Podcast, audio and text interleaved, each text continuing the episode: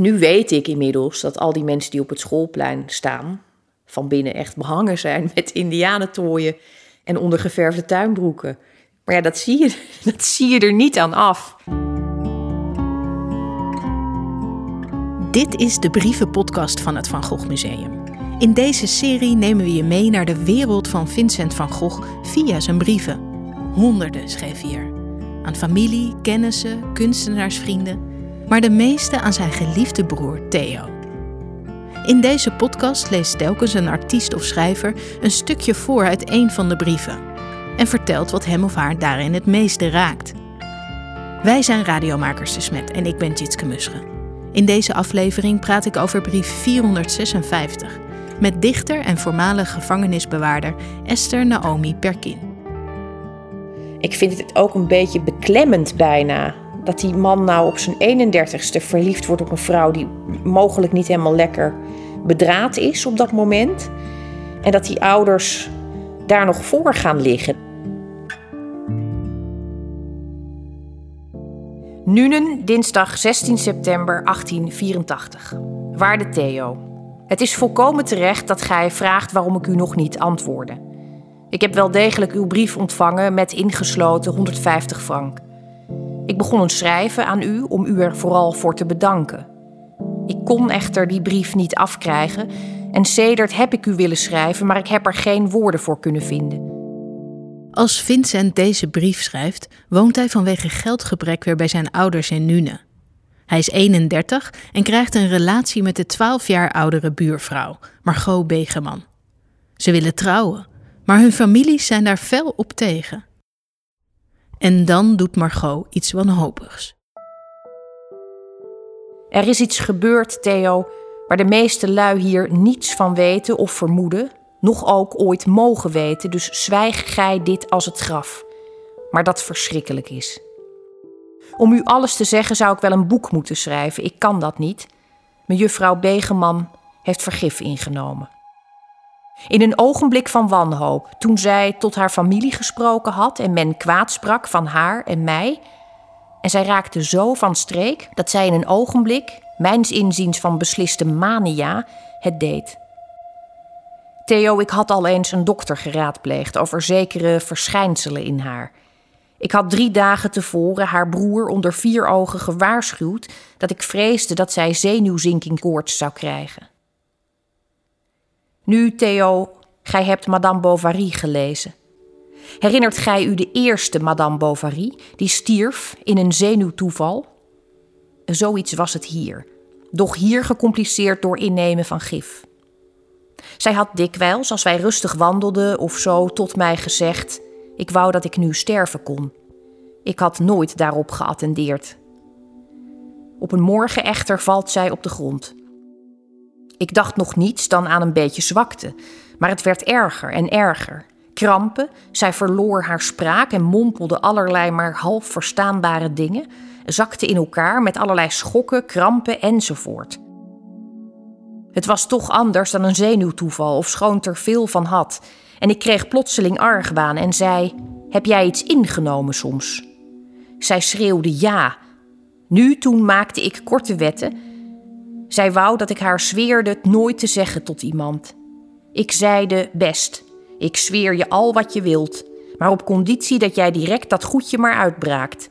Steek je vinger in je keel tot je braakt en anders roep ik de lui erbij. Enfin, nu begrijpt gedrest. Dat braken ging maar half en ik ging ermee naar haar broer Louis en ik zeide het tot Louis en liet haar een braakmiddel geven en ging direct naar Eindhoven, naar dokter Van der Loo. Het was strychnine dat zij nam.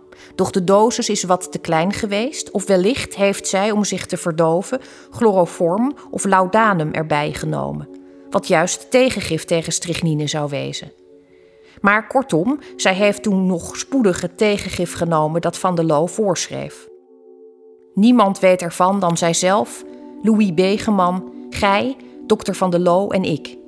En ze is direct geëxpedieerd naar een dokter in Utrecht en het heet dat ze op reis is voor de zaak. Ik geloof dat het waarschijnlijk is dat zij geheel genezen zal, doch er zal mijns inziens nog zeker een hele poos volgen van zenuwlijden. En in welke vorm serieuzer of minder serieus zich dat openbaren zal, is juist nog de kwestie. Maar zij is nu in goede handen. Doch hoezeer ik te neergeslagen ben door deze gebeurtenis, zult gij begrijpen. Het was zo'n doodsangst, kerel. Wij waren alleen in het veld toen ik dat hoorde. Maar gelukkig is althans nu het gif wel uitgewerkt. Nu zij dit geprobeerd heeft en het is niet gelukt, krijgt zij denk ik wel zo'n schrik dat zij het niet licht voor de tweede keer proberen zal. Een mislukte zelfmoord is het beste geneesmiddel voor zelfmoord in het vervolg. Maar als ze zenuwzinking koorts of hersenontsteking of zo krijgt, dan. Doch deze eerste dagen nu is alles vrij goed gegaan met haar. Alleen ik vrees dat er nog wel gevolgen zullen komen. Wat valt je op aan de brief? Nou, een van de eerste dingen die me opviel is het woord zenuw. Zenuwlijden, zenuwkoorts, zenuwen. Dat is natuurlijk een uh, soort vergaarbak geweest, heel lang. Zoals hysterie ook een vergaarbak was. Het woord mania valt ook, maar het gaat toch vooral over, over zenuwkoorts. En uh, wat ik me daardoor realiseerde is dat we tegenwoordig wel eens klagen... Hè, dat overal zo snel een labeltje aan wordt gehangen. Vooral op het schoolplein hoor je moeders daar veel over. Ja, dan zijn ze weer hoogbegaafd of ze hebben ADHD of ADD... of nou, allerlei andere uh, aspecten die het leven ingewikkeld maken. En er wordt dan vaak gesuggereerd dat dat iets is van deze tijd... En ik vraag me echt af of dat zo is. Ik denk dat het afwijken van een norm, uh, zeker ook in die tijd, eigenlijk niet, niet heel veel uh, ontspannender tegemoet werd getreden. Het enige verschil is dat, dat er niet zo snel een diagnose voor was. En dan werd dus deze algemene vergaarbak daarop geplakt. En er zitten wat andere aspecten in die ook een soort naïviteit verraden op het gebied van de psyche. Wat ik heel roerend vind van Vincent, is dat hij oprecht gelooft dat het beste remedie tegen het plegen van zelfmoord is een mislukte poging. Het is helaas toch gebleken dat dat niet zo is. Um, ik lach er nu om, maar dat is niet omdat ik het grappig vind. Ik vind het aandoenlijk en ik vind het ook uh, treurig. Omdat, nou ja, omdat je met de, kennis van nu natuurlijk weet hoe het uh, met Vincent zelf is afgelopen. Maar het oprechte geloof dat iemand dan wel door de schrik zich ineens aan het leven zal vastklampen en dat nooit meer doet. We hebben er nu over gepraat, het is duidelijk, het is in beeld. Vanaf nu uh, kan het ons niet meer ontglippen. Zo'n soort wens, denk ik, dat er uitspreekt. En dat vind ik uh, herkenbaar en ik denk dat dat ook komt. Uh, nou ja, omdat ik in de tijd dat ik uh, in de gevangenis werkte, bijvoorbeeld als bewaarder, heb ik wel vrij vaak meegemaakt dat er uh, sprake was van zelfmoord. Ook hele uiteenlopende gevallen, met hele uiteenlopende redenen en omstandigheden. Um, ja, en heel vaak gingen de nagesprekken die je dan voerde of waar je bij was met collega's onderling. Um, dat ging ook heel vaak over wat hebben we de afgelopen dagen gemist? Wat waren de signalen? En nogmaals, die zijn er heel vaak gewoon echt niet. En ik denk dat het niet weten, het niet kunnen zien aankomen, het niet begrijpen, het niet kunnen reconstrueren van wat er gebeurd is. Ja, dat is iets waar vaak de nabestaanden en iedereen in de omgeving. Dat is een taak waar je echt de rest van je leven mee kunt blijven puzzelen. Dat is een taak die je opgelegd krijgt. Ik denk dat in ieder mens toch het idee zit: ik heb ergens iets gemist. Ik had iets kunnen doen. Ik had iets moeten doen ja, dat zijn natuurlijk het. het, het uh, uiteindelijk is iedere daad, en trouwens ook ieder mens wat je tegenkomt, een, een, het topje van de ijsberg, zal ik maar zeggen. Je weet van de meeste mensen helemaal niet wat er onder het oppervlak nog allemaal zit. Alle duistere onderstromen en alles wat ondeelbaar is, wat je nooit te horen krijgt, waar geen woorden voor zijn. Dat benoemt hij ook nog een keer. Ik heb er geen woorden voor ja, dat is dus ook echt niet te overbruggen. Dat zijn allemaal afgronden en duisternissen. En dat is het grote niet weten waar we met z'n allen mee opgescheept zitten. Maar wat is dan toch die stand? En wat is dan toch die godsdienst die de fatsoenlijke lui erop nahouden? Oh, het zijn eenvoudig absurde dingen en die de maatschappij tot een soort gekkenhuis maken, tot een averechts verkeerde wereld. Ge begrijpt dat in deze laatste dagen alles, alles mij door het hoofd ging. en ik geabsorbeerd was in deze trieste historie. Theo, kerel, ik ben er zo van ontdaan. Gegroet, schrijf mij eens een woordje, want ik spreek hier met niemand. Adieu, Vincent. Ik vind het ook een beetje ja, beklemmend bijna. Dat die man nou op zijn 31ste verliefd wordt op een vrouw die mogelijk niet helemaal lekker bedraad is op dat moment. En dat die ouders, zijn ouders en haar ouders, die in die tijd, voor, voor die leeftijd dus eigenlijk al gewoon bejaard waren, daar nog voor gaan liggen, dat nog tegen gaan houden. Dat nog, dan denk ik, ja, wat, wat kan er nou helemaal gebeuren? Het was waarschijnlijk ook gewoon een kwestie van keurigheid.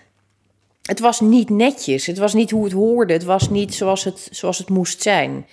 Uh, en, en dat is een beklemming waar ik dan nooit zo goed tegen kan.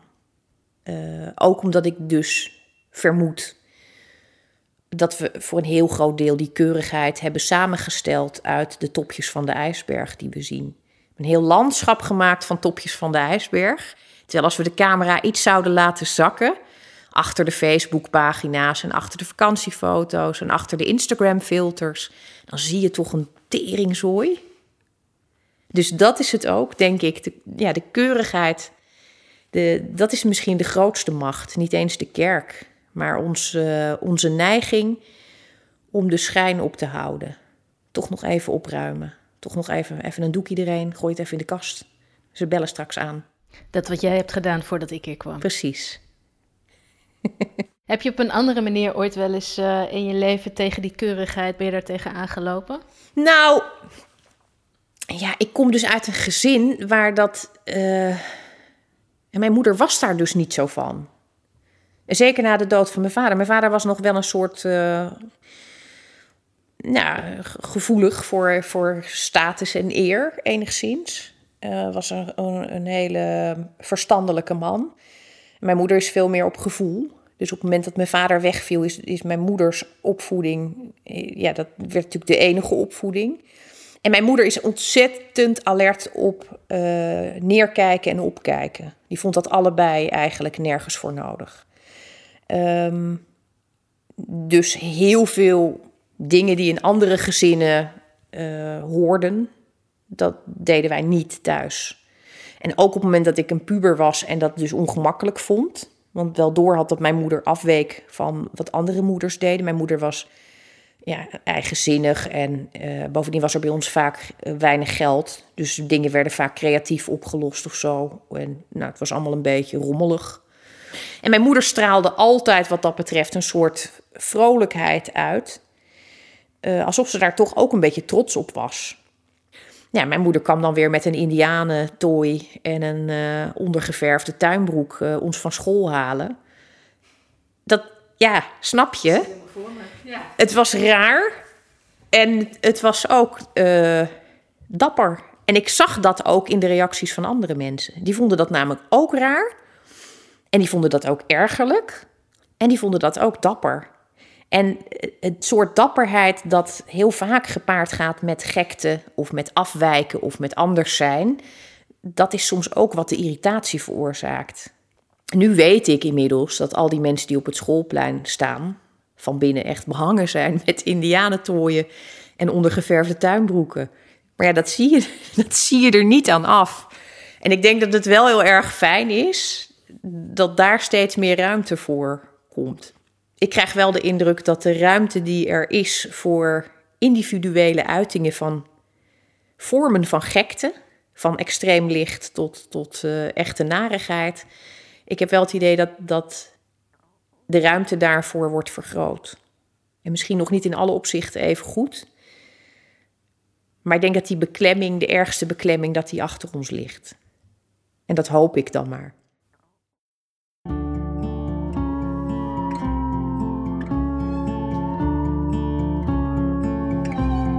Je hoorde een aflevering van de podcastserie over de brieven van Van Gogh. Lees vooral de hele brief een keer. Je vindt hem op vangoghmuseum.nl/podcast.